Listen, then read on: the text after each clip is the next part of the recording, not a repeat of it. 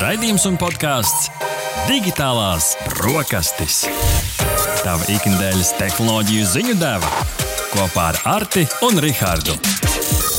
Labrīt, klausītāji! Digitālās brokastis ir jūsu mājoklī, jūsu darbvietā, lai arī kur jūs mūs klausītos. Digitālās brokastis ir kopā ar mums. Parunāsim par gadgetiem, par zinātnes sasniegumiem, par kosmosa apbrīnojumiem, lieliem lidojumiem un arī par vienkārši amizantām lietām sociālajos tīklos. Digitālās brokastis, tā ikdienas tehnoloģija ziņa deva jums, kā jau katru piekdienas rītu kopā ar digitālo brokastu šefpavārs un ar mani. Šodien, šorīt šajā studijā ir cilvēks, kurš ir spējis sadalīties divās daļās. Viņš ir bijis vienlaicīgi divās Zoom sapulcēs vienlaicīgi. Tas ir viens cits kā Rihards. Labrīt, klausītāji! Latvijas Rādio 1 un Radio Naba tiešraidē. Sveicien arī jums, kur klausās vai skatās raidījumu ierakstā. Digitālās brokastis, kad vien vēlaties, varat baudīt populārākajās podkāstu platformās Latvijas Rādio arhīvā LSM.CLV, Naba LV, kā arī Latvijas Rādio. YouTube kontā. Rihard, atzīsties, kāds ir tavs noslēpums? Kā cilvēks var sadalīties divās daļās? Kā tev vajag vienkārši diezgan daudz viedierīces, un tad jau tu vari būt tik sapulcēs, cik vien ir iespējams. Un, principā, ja tu lieto dažādas programmas priekš šīs te, uh, saziņas, tad, principā, arī var izmantot vienu ierīci un vienkārši pārslēgties starp šīm programmām. Katrā savu sapulci. Nu, jā, tad tur ir, ir, ir kā saka, ir ar, ar, ar to ir izaicinājums. Tā, tā ir. Jā. Šodien mums izaicinājumi nav. Mums vienīgi ir burvīgs saturs priekš jums. Ikdienas tehnoloģijas subjektīvi, objektīvais top 5. Jā, patiešām tikai top 5. Jums ir vēl divi ēdieni. Otrais ēdiens, kas ir nu, tas pamatēdiens šajā raidījumā, mums ir saruna ar ekspertiem un entuziastiem par Apple tehnoloģiju ekosistēmu, aktualitātēm un nākotnes perspektīvām. Un pēc tam raidījumu noslēgsim ar pavisam interesantu un īpašu tehnoloģiju apskatu. Pirmo reizi digitālajās brokastīs mēs apskatām tehnoloģiski jaudīgu, jaunu automašīnu un paskatīsimies, kā mums ar šo te veiksies. Rihard, man šeit ir laiks, šķīvi ir galdā, ķeramies klāt. Ziņa numur viens. Nedēļā, kad uh, Twitter platformā beidzot Richard, var publicēt attēlus vertikālā formātā un tie netiek apgriezti, šajā pašā nedēļā Twitter ir arī padarījis tās Clubhouse konkurējošo audio sarunu funkciju Spaces pieejamu plašākai sabiedrībai. Gan iOS, gan Android lietotāji, kuriem ir vairāk kā 600 sekotāji, šī funkcija būs pieejama. Spaces būs pieejams gan bez maksas, gan arī nākotnē kā maksas uzstāšanās istabas, tā ziņo TechCrunch.com. Spaces iespēja ir atrodama Twitter lietotnē tās augšējā joslā, tur, kur līdz šim bija Rihards redzami šie izgaistošie ieraksti jebšu flīts. Pievienoties istabai, varēšot arī vienkārši nospiežot ziņu joslā uz kādu lietotāju profilu bildes un pievienoties šim konkrētajam cilvēkam istabā, ko viņš klausās. Šis būs atpazīstams ar tādu purpura krāsas mirgojošu rimbulīti. Spaces aktīvi strādā arī pie dažādu lietotāju pieprasītu iespēju ieviešanas, jo tas nav nekas galīgi jauns testēšanas režīmā. Šī funkcija jau ir kādu laiku. Viņi, piemēram, šobrīd ir ielikuši iespēju apklusināt visus runātājus, kas ir uz skatuves, paust dažādas emocijas ar nu, šo emociju rīkjoslu. Un Twitter plānos ir plašākai attīstīt dažādas samaksas iespējas un attīstīt atgādinājumus par gaidāmajiem tiešsaistes sarunām. Ja mēs apskatāmies uz to nu, pilno buķeti, ko viņi piedāvā, man šķiet, ka šeit ir adresēts pāris būtiskas lietas. Un man šķiet, ka būtiskākā no tām ir šī iespēja pievienot šos atgādinājumus, izcelt tos arī Twitter laikos, lai, kas, protams, Clubhouse arī ir. Tu vari sev pienot kalendāram šo sanāksmi, bet nu, šādā ceļā ejot, man šķiet, ka šis būs nopietns konkurents. Kā tu, Rihards, skaties uz šo jauno konkurentu audio sarunu tīklā? Jā, es domāju, ka noteikti tas būs konkurence, īpaši ņemot vērā to, ka uh, Twitter tā lietotāja bāze tomēr ir stipri lielāka nekā Clubhouse. Uh, pat arī ņemot vērā to, ka nu, līdz šim uh, Clubhouse nav bijis pieejams Android lietotājiem, protams, Twitter, Twitter uh, ir pieejams arī Android lietotājiem. Līdz ar to es domāju, ka noteikti šai platformai var būt panākumi. Es tam citu jau pievienojos vienai sarunai, mhm. -huh. šādai uh, izmēģinājumam. Kā veicās? Uh, pavadīju diezgan īsu brīdi, līdz ar to visas uh, iespējamās iespējas neizmantoju, bet uh, kopumā skaņas kvalitāte bija laba. Uh, varēja piedalīties sarunā, iesaistīties. Un, un man liekas, nu, tādā izpildījuma ziņā ir līdzīgi kā Clubhouse, un vēl ir papildus dažādas lietas, ko tur var izdarīt. Tā kā, tā kā es domāju, ka šis noteikti būs veiksmīgs. Un interesanti šis 600 sekotājs. Liekas, kāpēc tieši 600? Šis nekur nav atbildēts. Protams, šī atruna, kāpēc ir vajadzīgs, ir, lai būtu cilvēki, kas jau ir nu, teikt, jau iesakņojušies nedaudz platformā, ka viņu saturs, ko viņi veido, ir kaut kas tāds, kam ir vērts sekot. Tad 600 ir tas. Es vienkārši domāju, kur, ko lai dara tie cilvēki, kuri nu, izmeklēti ir nu, ļāvuši, piemēram, 100 unikāliem sekotājiem sev sekot, nu viņiem tagad 500 vēl jāpieķer. Tā kā nu, no vienas puses tāda interesanta pieeja Clubhouse gadījumā nu, ir šie te, uh, ielūguma iespēja, kas Twitterī, protams, visi, kas var, tie arī var reģistrēties. Ziņa numur divi. Apvienotās karalistes karaliskā flote kopā ar uzņēmumu Gravity Industries veikusi raķešu lidtērpa jeb jetsuit testēšanu. Atklātos ūdeņos trenējoties kuģu ieņemšanā. Par to mums stāsta Business Insider. Tērps, kas nedaudz atgādina dzelzceļa vīri, jeb Iron Man no Marvel filmu frančīzes, uh, uzņēmuma Gravity Industries publicētā video ļauj pacelties no motorlaivas un nosēsties uz kuģa, lai jau tālāk, piemēram, padotu kāpnes pārējiem sabiedrotajiem. Tātad nu, ir iespēja no kādas platformas pacelties un nolaisties uz tā objekta, kas ir nepieciešams.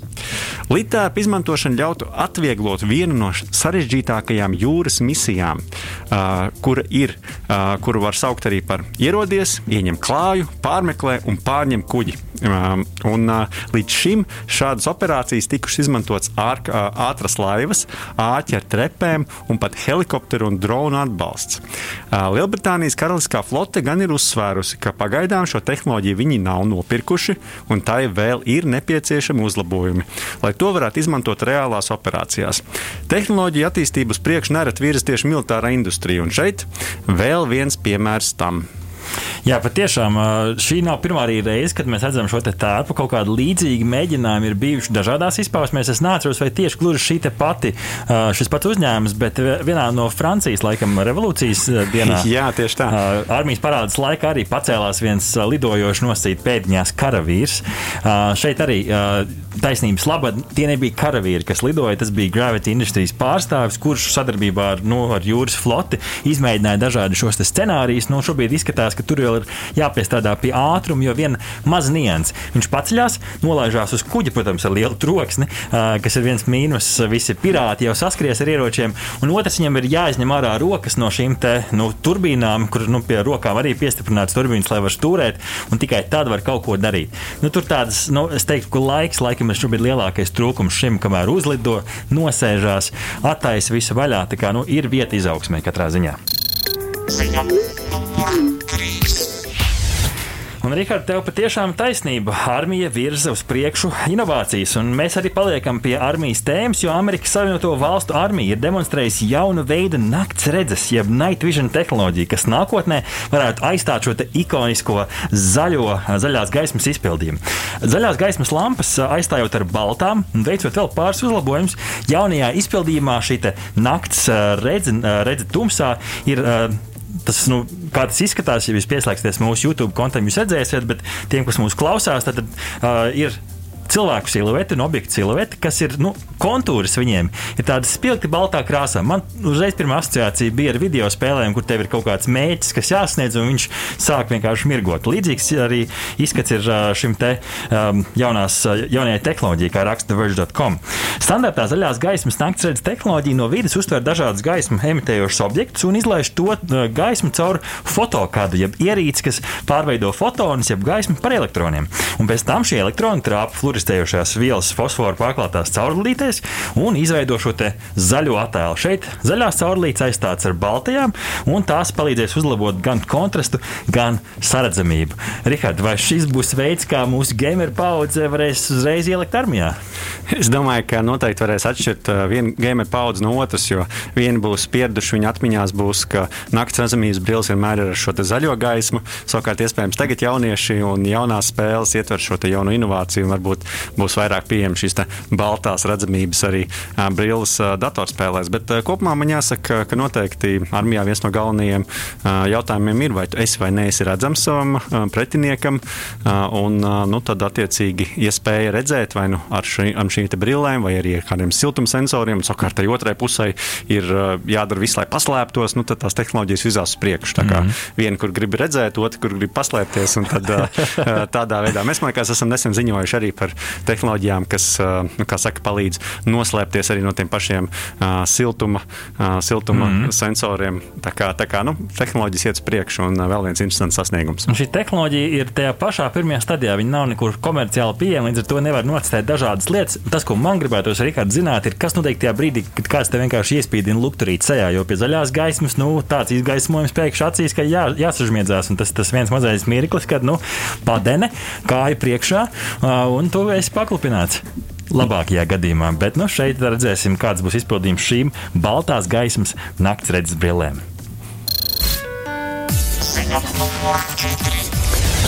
Jā, paliekam Amerikas Savienotajās valstīs. Nedēļā, kad Ilona Maska uzņēmums SpaceX veiksmīgi no starptautiskās kosmosa stacijas ir uh, atgādājis uz Zemi četrus kosmonautus, citā izmēģinājumā uzņēmuma raķete Starship pirmo reizi veiksmīgi nosēdusies un neuzsprāgusi. Piektajā izmēģinājumā tai izdevās veiksmīgi piezemēties pēc lidojuma apmēram 10 km augstumā. Uh, veiksmīgais tests tiek uzskatīts par lielu SpaceX panākumu, jo par tiesībām būvēt raķeti tāliem lidojumiem kosmosā cīnās piedalās arī citi uzņēmumi. Un par to mums visu stāsta rīta panorāma. ASV Nacionālā aeronautikas un kosmosa pārvalde, jeb NASA, 16. aprīlī paziņoja, ka ir izraudzījusies tieši SpaceX, lai tā izstrādātu kosmosa kuģi pirmajiem astronautu lidojumiem uz mēnesi kopš 1972. gada. Tomēr 2,9 miljardus ASV dolāru vērtais līgums pat labi apturēts pēc protesta, kuru iesniedza divi konkurējoši uzņēmumi - Jeffa Bezos kompānija Blue Origin un aizsardzības industrijas uzņēmums Dynetics. Te ir jāpaskaidro mūsu klausītāji noteikti, kāpēc šis ir tik īpašs. Jo nu, raķetes paceļās un arī nosēžās. Nu, tikko kosmonauti no kosmiskās stācijas arī nosēdās. Šeit to visu īpaši padara tas, ka šī raķete to dara pilnībā autonomi. Neviens viņu nestūrē, viņa pati autonomi nosēžās uz platformas un visu izdara bez cilvēku palīdzības, kas ir tā nu, burvīgā iespēja un tā lieta, ko viņiem vajadzēs, piemēram, uz mēnesi virsmas nosēžoties. Tā kā no manas skatu punkta patiešām liela diena SpaceX un cerams, ka drīz redzēsim šo raķeti lidojumu īstās misijās. Ziņa numur 5. Un liela diena Tokijas gameriem, jo šomēnes Tokijā tiks atvērta valstī pirmā e-sporta sporta zāle, jeb e-sports gym, kā ziņo Kotaku.com.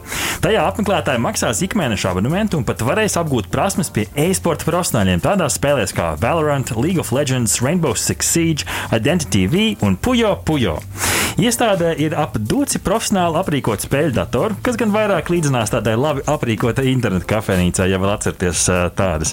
Līdzīgi kā klasiskā sporta zālē, apmeklētāji varēs maksāt gan par stundām, gan mēnesi, gan atsevišķi maksāt trenerim, lai nu, nodrošinātu šīs apmācības.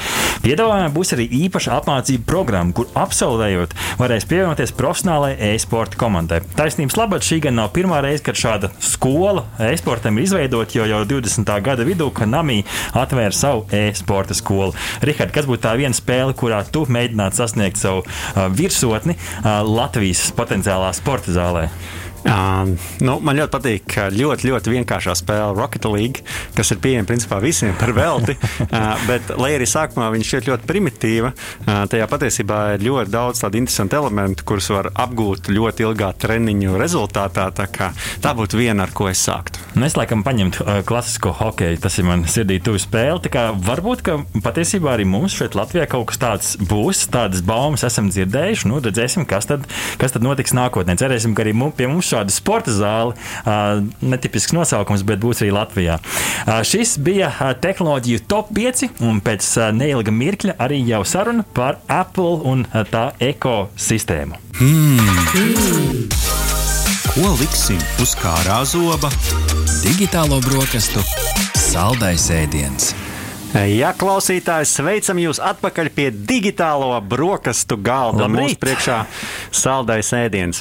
Kompānija Apple dibināta 1976. gada 1. aprīlī Kalifornijā, un tā ir kļuvusi par visā pasaulē pazīstamu ar tās radīto sadzīves elektrotehniku, jeb elektroniku, programmatūru un dažādiem pakalpojumiem, kas pieejami digitālajā vidē. Daudzi no klausītājiem noteikti ir dzirdējuši par tādām ierīcēm kā iPhone, iPad, MacBook vai vai arī iPod, kas, starp citu, vismaz daļai ir vainojams pie vārda podkāstu radīšanas. Nu, arī šis raidījums ir dzirdams visās populārākajās podkāstu platformās. Apple radītā tehnika un programmatūra ir pazīstama ar to, ka tā labi sazinās savā starpā, kas ir viens no būtiskiem tehnoloģiju ekosistēmas aspektiem, un tieši par to aprunāsimies ar mūsu šīs dienas viesiem. Un, uh, mums ir divi viesi uh, - tehnoloģiju entuziasts un Instagram satura veidotājs Rons Juris Zibins. Labrīt! Labrīt, labrīt! Un arī AS Capital pārstāvis Girts Pāpe. Labrīt! Labrīt! Kungi, tāds iesildošais jautājums jums. Kas bija jūsu pirmā Apple ierīce? Laiks atzīties, Girt. Nu, mana pirmā ierīce bija iPhone 6. Mm -hmm. Kā kosmisks lidojums pēc Android lietošanas, un vēl joprojām esmu uzticams iPhone. Vai tas pats 6 vēl joprojām kalpo, vai arī nomainīts pret kaut ko svaigāku? uh, iPhone 6 uh, pagājušajā nedēļā tika nodots uh, mazbērnam. Redz, kā? Uh, radiniekam, jā, un attiecīgi vēl joprojām kalpo, un uh, tikai vajadzēja samainīt bateriju. Bet, uh, jā. uh, es pats lietoju iPhone, vienu no jaunākajiem modeļiem. Mm -hmm. okay. uh, Roland, kā ar tevi? Nu, man patiesībā ir ļoti līdzīga. Mans uh, pirmā Apple ierīce ir iPhone 5.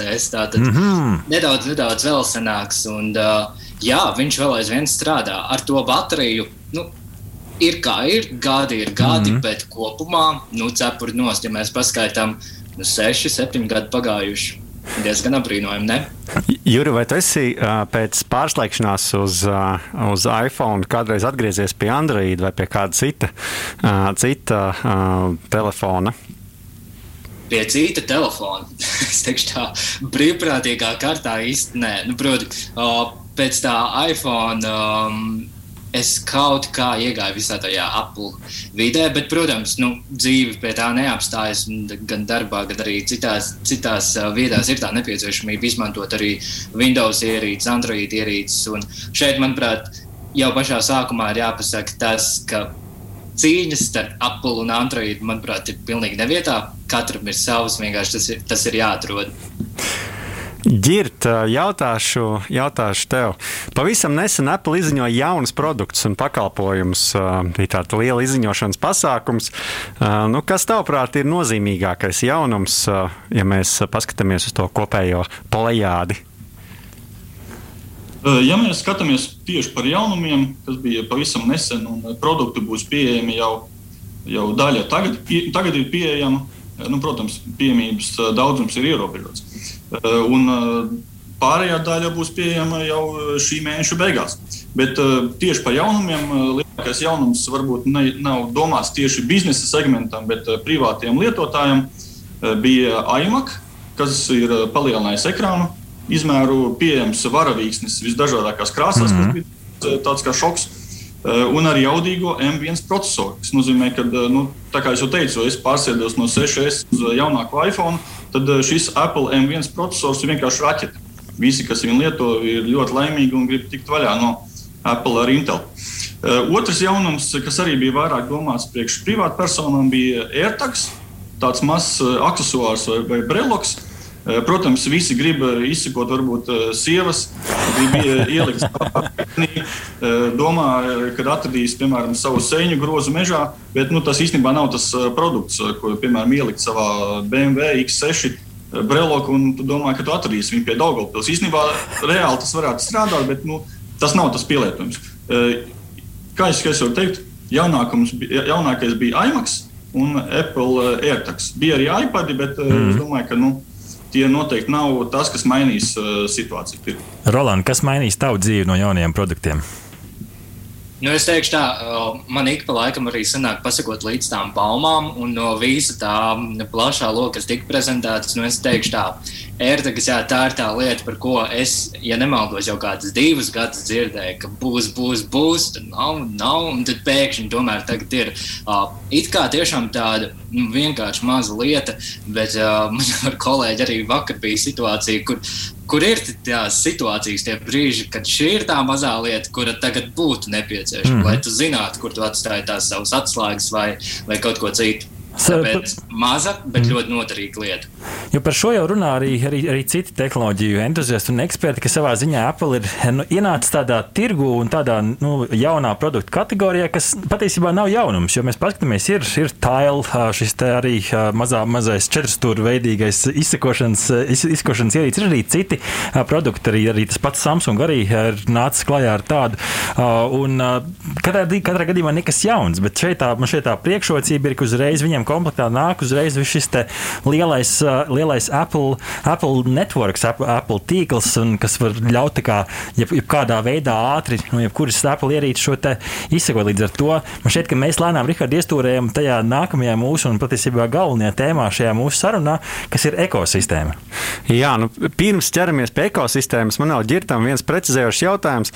Ģirta jau minēja, ka visi, visi tie pakalpojumi, nu, prastīvi šajā gadījumā visi jaunie produkti būs pieejami līdz šī mēneša beigām, ja es pareizi sapratu, tad līdz maija beigām vai līdz nākamā mēneša beigām? Līdz šī mēneša beigām, attiecīgi, vēl uzgaidīt varbūt divas, divas nedēļas, un tad jau noteikti. Lieliski. Un es gribēju precizēt, kas nosaka to, kad kurā valstī ir pieejami šie produkti. Vai viņi pārsvarā visur ir pieejami vienā laikā, vai tomēr ir kāds, kurš ir tas pirmais, tad ir nākamais, un tad vēl kāda trešā, ceturtā un piektā kategorija. Tas ir pasniega kāju ātrums.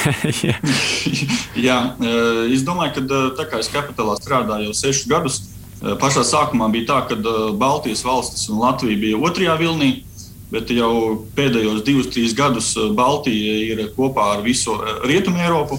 Un, eh, ja mēs redzējām, kad prezentācijā pateica, ka produkti būs pieejami tad un tad, īstenībā tad arī produkti ir pieejami arī mums. Protams, ir jāsaprot, ka ir Covid un pieejamība ir sliktāka, bet nu, tie, kas ir rašāki vai tie, kas zina savu menedžeri, tie noteikti dabūs eh, preci ātrāk nekā varbūt tas, kas domās, es atnākšu rītdien uz veikalu un dabūšu. Ķeramies pie tās ekosistēmas. Es vēlos par šo parunāt, jo man šķiet, ka šī ir tāda interesanta lieta, interesanta pieeja eh, tehnoloģiju attīstībai, kam seko arī jau citi brendi un zīmoli.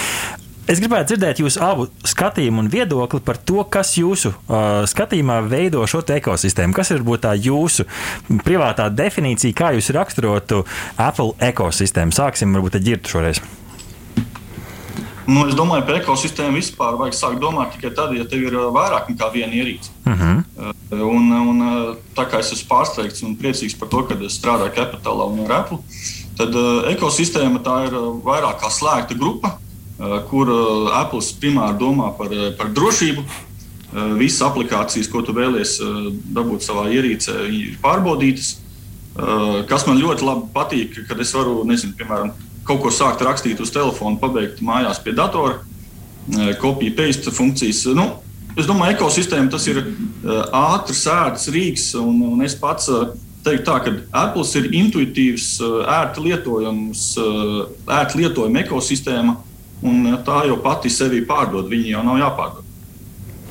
Roland, kas, kas vēl nav pateikts eh, varbūt, no lietotāja skatu punkta? Kas ir ekosistēma? Nu, man jau pat izveidojās tāda kā definīcija. Aiziet. Tehnoloģisko risinājumu kopums savstarpējai vienotāji un nepārtrauktai darbībai. Mm -hmm. Izklausās ļoti gudri, bet manuprāt, nu, tā, tas noslēpums slēpjas tajā, tajā, ka tā ir vienota, nepārtraukta un tāpat laikā ļoti izdevīga un ērta ekosistēma.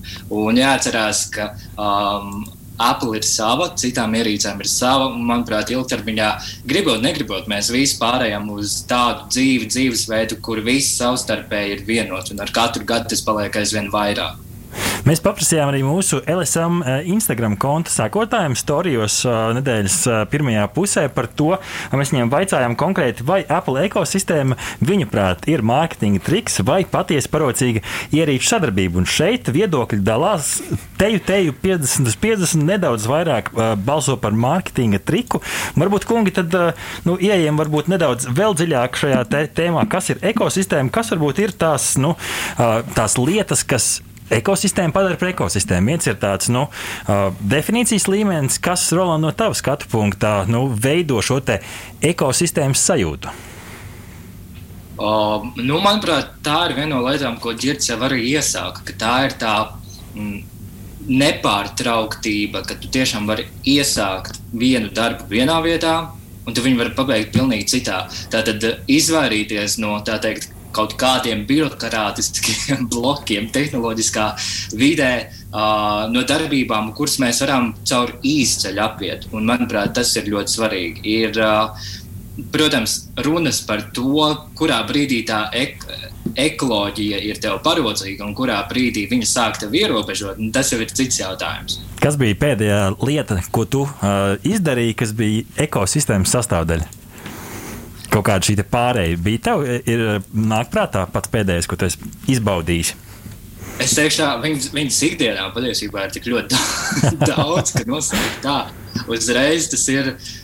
Nu, Es visbiežāk izmantoju to, ka tad, kad es ielieku savus austiņus, šajā gadījumā AirPods, piemēram, sāk strādāt pie datora, uh mhm. -huh. tad es izdomāju, ka man ir uh, vai nu jāiziet ārā uz veikalu, es vienkārši paņemu telefonu un, un es turpinu iet ar mūziku. Nu, tā, principā tās austiņas no datora savienojas uzreiz uz telefonu, jo tā ir tā ierīce, ko es tagad izmantoju. Un it kā tās, tā, tās ir tādas uh, mazas lietas, kuras ikdienā nepamanām. Nu, kā, kas tas ir? Tu paņem telefonu un pārslēdz. Bet nu, paskaitām tās sekundes simtdaļas. Beigās jau mums ir vesela stunda, ko mēs varam noskatīties kāds seriāls. Mm. Kas dzird ir varbūt no biznesa perspektīvas tā kaut kāda funkcija, šī kaut kāda ekosistēmas priekšrocība, ko, uz ko vairāk nu, tendējās un ko vairāk izbauda tieši biznesa lietotāji? Parasti Apple asociējas ar to, ka preces ir dārgas un biznesa šīs, šo zīmolu pirkt. Bet, ja mēs savākam kopā, tad nu, Apple varbūt sākumā ir dārgāks, bet atlikusī vērtība ir lielāka. Kas ir vajadzīgs tieši biznesam, tad, kad mēs tiekamies ar IT vadītājiem, lēmumu pieņēmējiem, finansistiem, viņi skatās pilno vērtību atlikušo vērtību, viņi skatās to, cik ērti ir ierīci lietot. Tāpēc es arī teicu, tas ir intuitīvi, tas ir elementāri. Es nezinu, cik teiksim, tā. Pat mazs bērns vai, vai, vai gados pavacāks vīrietis vai kundze var šo lietot. Apple Watch sastāvdaļa kopā ar datoru, vai, piemēram, to, ko Rolands teica, pieslēdz datoram AirPodus, tu izēj ārā, visa, nekas ne, ne, nepārstāja darboties. Tu vari sākt rakstīt tekstu, aiztaisīt datoru, ciet, atbraukt mājās, turpināt, nekas nepāraujās. Es pats personīgi biznesā novēroju to, ka jā, Apple TV tiek izmantoti tagad varbūt mazāk dēļ Covid, kur tu vēlies savu saturu projicēt uz ekrāniem. Apple, te, Apple Watch tiek izmantoti ļoti bieži. Arī biznesā? Arī biznesā, jā. Vairāk tiek domāts par accessoriem, un tagad jau vairākus mēnešus ir topā jaunie M1 datori, kas, nu, teiksim, tā kosmiski lido. Uh -huh. Visi ir priecīgi, kas teiksim, pieņem šo lēmumu, iet šo ceļu. Jo īstenībā tā cena saistībā ar Intelu ir pat varbūt drusku zemāka. Bet es varu pateikt to, ko es pats pēdējais, pēdējais lietoju, un es biju pārsteigts. Pagājušajā nedēļā, tā kā jau minēju, 6S tika nodots pašam mazākajam, varbūt hierarhijas bērniņam, kad datu pārnešana kas arī ir ļoti ievērojami, ja tu vēlies, piemēram, no Android aiziet uz iPhone vai no iPhone uz iPhone. Pavisam elementāri uh, pāris roku kustības un dati ir pārnesti, neko nezaudējot. Vienkārši ir jāpieņem solis, izmēģināt Apple. Un, tā kā es teiktu, no narkotikām vai šīs te. Uh, ja, ja jūs pamēģināsiet, pamēģināsiet Apple, jūs visticamāk ne uz kādu citu platformu neiesiet vairāk apakaļ.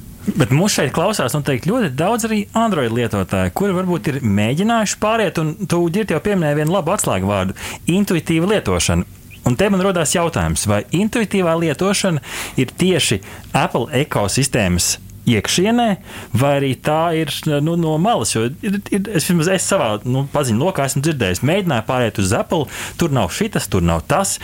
Kur šī intuīcija veidojās? Sāksim ar ģirtu, un pēc tam Rolands varbūt var papildināt.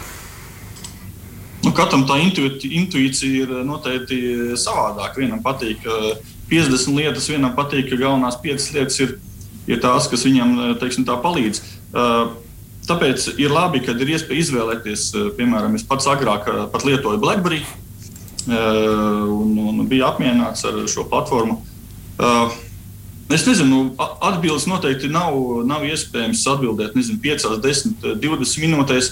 Eh, katrs var to atbildēt, bet es varu teikt tikai to, ir ļoti ātri, ērti, eh, droši. Un no, no biznesa viedokļa Apple ir arī tā platforma, kur tev programmas jau ir iesaistītas iekšā. Tev nav papildus jāpērk, piemēram, kaut kāds Office. Nevajag, nevajadzētu teikt, protams, tas, tas nav Word vai Excel, bet, ja tu peldi tajā Apple ekosistēmā, tad tev pilnībā pietiek, ka tu nopērc Mac datoru un tev tur viss ir. Ja mēs ja skatāmies. Roland, Juri, kāds, kāda tava pieredze ar tieši to ērtumu?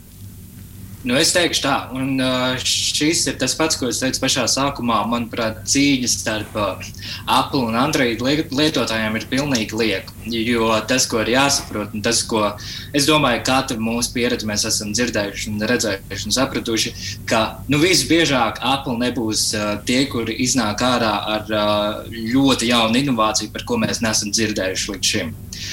Viņi visbiežāk paņems jau to, kas jau ir, un viņi to padarīs vēl labāku. Un, tas, un tā, manuprāt, ir tā lieta, ar ko Android lietotāji, kāpēc viņiem patīk Android? Tāpēc, ka tur ir ļoti daudz dažādas iespējas. Tur varbūt nereti ir kaut kas, kā, kaut kas jauns, kas pēc Apple būs tikai pēc kāda laika, bet viņi ir gatavi varbūt upurēt nedaudz to drošību vai nedaudz citas tādas funkcijas, lai saņemtu to pašu jaunāko un to lielāko pakalpojumu klāstu. Turpretī, piemēram, arī pēc sevis spriežot, man nevajag pašu, pašu jaunāko un maksimāli daudz iespējas. Man vajag, lai ir vizuāli baudāmi, lai ir parocīgi, lai ir droši, lai ir ērti un veiksmīgi, lai es to varu izdarīt. Un, nu, tāpēc Apple strādā man. Un šī, manuprāt, ir tā lieta, ka noteikti vajag katram izmēģināt, saprast, paeksperimentēt ar Android, paeksperimentēt ar Apple, un tad beig beigās jums jau būs tā plašā pieredze, kad beidzot jūs tādu objektīvu redzējumu varēsiet gūt nevis tikai no tā, ko viena tante teica. Girt, nu, jau sadzirdējām atslēgas vārdus. Ērti, droši, lieliski sazinās savā starpā.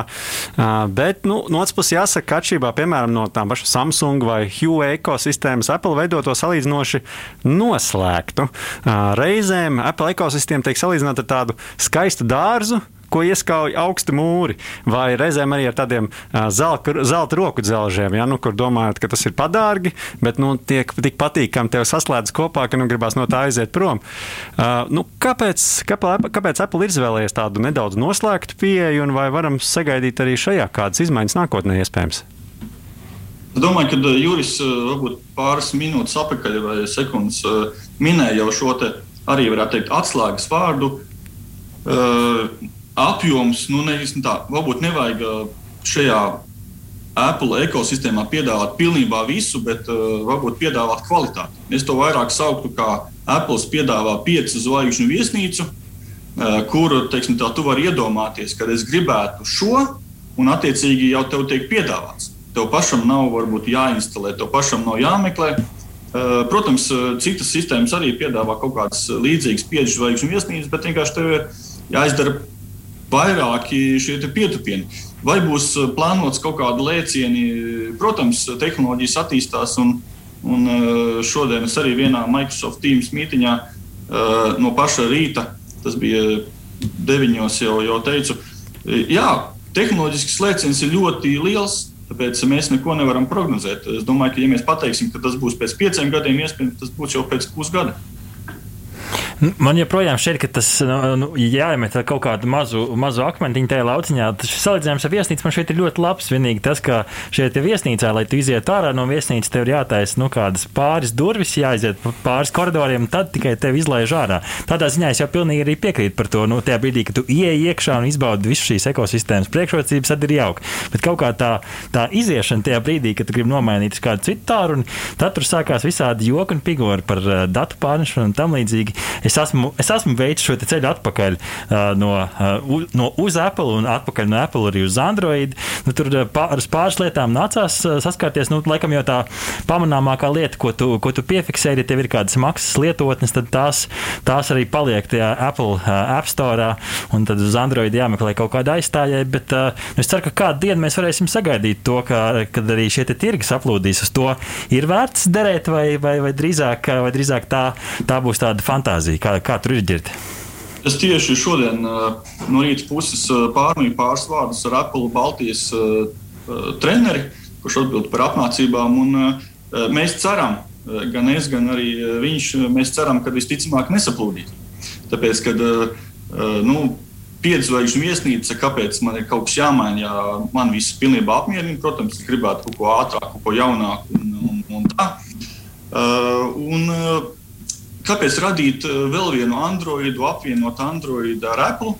Kad tās platformas pilnībā, nu, nevar teikt, ka viņas ir dažādas, bet, nu, lai Android lietotāji lieto Android, Apple lietotāji lieto Apple. Un es esmu pilnīgi pārliecināts, ka es pats lietoju Apple, un es nu, tā, ja es eh, nebūšu man kāds nepiespiedīs lietot, eh, piemēram, Windows vai Android, es eh, visticamāk būšu uzticams ļoti, ļoti ilgi Apple. Uh, runājot par visiem tiem, kas ir uzticīgi Apple ekosistēmai un arī tiem, kuri varētu kļūt par tās uzticīgiem lietotājiem, nu, kādos virzienos Apple varētu attīstīties nākotnē? Ja būtu jānosauc tev kā trīs galvenie virzieni, uh, tad kurus tu nosauktu? Mēģinam katrs, katrs varbūt minūtē iekļauties. Sāksim ar Rolandu šoreiz trīs galvenie virzieni. Jā, ko tu redzi no savas skatu punkta? Pakalpojumi, un tie pēdējā laikā ienāk ar vien vairāk. Un šī ir tā lieta, kur patiesībā mēs redzam kaut kādu saplūšanu. Jo tagad uh, Samsung telefonā ir arī iespēja dabūt uh, Apple TV plus vēl citas opcijas. Un uh, mēs dzirdējām, ka tūlīt arī iznāk uh, podkāstu plus, tāpēc uh, pakalpojumi kā tādi, manuprāt, tā ir tā ejošā lieta, kur arī būs turpmāk. Uh, nu, produkti tie paši par sevi, manuprāt, tā ir pārbaudīta vērtība. Uh, jautājums par to, cik daudz kas nāks klāt un cik daudz kas mainīsies no tā, ko mēs redzam šobrīd. Um, tā, tā, tā, tas ir nākamais jautājums. Un tā trešā lieta, uh, nu, mēs jau dzirdējām, ka uh, Apple tagad iet uz ļoti tādu zaļu pusi. Paskatīsimies, uh, kā, uh, kā veiksies. Jo nu, šī ir tāda lieta, kur cilvēki arī, kur viedokļi dalās, jo tā lielā ideja ir tiešām skaidra un atbalstāma. Bet tad, kad mums kaut kas tiek noņemts no spēka, tad seko tāda kā neliela pretreakcija. Tāpēc šo būs interesanti redzēt. Ģiet, kas, no, kas no biznesa perspektīvas pāris lietas, kas nākotnē varētu mūs pārsteigt?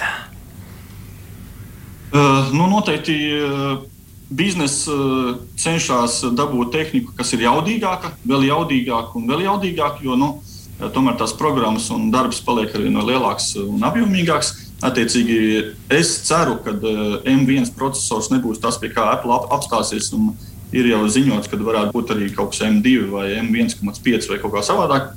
Uh, otrā lieta, ko tomēr baumo, vai, vai ir informācija, ka nu, kaut kas varētu būt saistībā ar automašīnām, uh, parādīties. Uh, un tā kā es strādāju vairāk varbūt, ar biznesa klientiem, tad Apple Watch, kurš vēl joprojām nav teiksim, tā, pilnas Latvijas lokācijas, viņam nestrādā pilns, kas, kas teiksim, pakalpojumu spektrs, kas ir Rietumē Eiropā, ir Apple ķērs, kas arī ir vajadzīgs biznesam. Uh, nu, tās ir tās lietas, ko biznesa prasa, un mēs, mēs uh, gaidām. Vienīgais, nu, Latvijas tirgus ir tik liels, cik viņš ir. Jā, nu mēs esam atkal ieskatījušies par tādu uh, durvju šķirbu gan uh, nākotnē, uh, gan, arī, gan arī diskutējuši par to, kā tad ir Apple ekosistēma, vai, tie, vai tas ir tas skaistais dārzs, un kādi ir tie mūri tam visam apkārt. Bet katrā ziņā esam noskaidrojuši to, ka, ka tā noteikti ir ērta ekosistēma, un tad, ja tu esi nonācis šajā dārzā, no tā ir, no tā ir tajā ļoti patīkami ir uzturēties. Teikšu paldies mūsu šīs dienas viesiem, tehnoloģiju entuziastam un Instagram satura veidotājiem Rolandam Jurim Zibinam un arī AS Capital pārstāvim Girtam Pāpem par patiesi interesanto stāstījumu un daudzām interesantām detaļām. Tā skaitā arī ar nelielu skatu nākotnē. Paldies jums! Paldies, lai burvīgi diena! Paldies jums! Paldies. Paldies! Un pēc mirkļa ieskatīsimies nākotnē. Tiešā un pārnestā veidā, kāda varētu būt automobīļu nākotne. Laiks palutināt savas tehnoloģiju garšas kārpiņas ar ko īpašu. Saimniek, vienmaz gadžetiņu! Labrīt, sveicināti atpakaļ digitālajās brokastīs. Šis gan nebūs mazs gadgetiņš. Šis ir lielākais gadgetiņš, kādu mēs jebkad esam testējuši. Mēs apskatījām Toyota Mirai koncepta auto ar ūdeņradi darbināms elektroautorātu, kas, radinā, kas ir radīts burtiski ar mērķi iekārdināt. Jāpiebilst, ka šo auto mums iedeva Vēs motors neatkarīgam un neatmaksātam apskatam un testam. Šis patiešām ir skats nākotnē, jo arī vārds Mirai nozīmē nākotne. Līdz ar to, Rihard, ķeramies klāt, kāda ir tā nākotne nākotnē varbūt parunājam pavisam ātri par šo ūdeņraža faktoru, jo man šeit tas ir noteicošais visai šai automašīnai. Jā, nu tas tiešām tas zilonis istabā, jo nu, skaidrs, ka tā mašīna ar tieši to atšķirās. Un, nu, pirmkārt, lai arī Latvijā ir vienīgā uzpildes stacija Baltijā, kas ir pieejama, pārbaudījām, uzpildīt to var ātri. Nu, tikpat ilgi, mm -hmm. cik uzpildot vienkārši parastu, uh, parastu mašīnu. Tieši tā. Uh, maksā arī aptuveni tāpat kā uzpildot degvielu. Uh, nepieciešama, nu, gan jāatzīst, tāda palielināta drošība uzpildīšanas laikā, jo nu, tas tomēr ir, tomēr ir gāze un tas ir liels spiediens. Tā, kā, nu, tā, tā drošība ir būtiska. Un, uh, tad, kā tas notiek, nu, viņš ņem iekšā gaisu un savienojumā ar šo ūdeņradi uh, rada vajadzīgo enerģiju, kas uzlādē baterijas, mm -hmm. un tad mašīna var braukt. Bet, attiecīgi tā visa rezultātā mašīna izlaiž uz ceļa ūdeni un izdod ārā tīru gaisu. Un ir pat podziņi, kas ļauj izliet ūdeni. Tā kā, ja gribās kādu balīti aizbraukt, ļoti labs triks.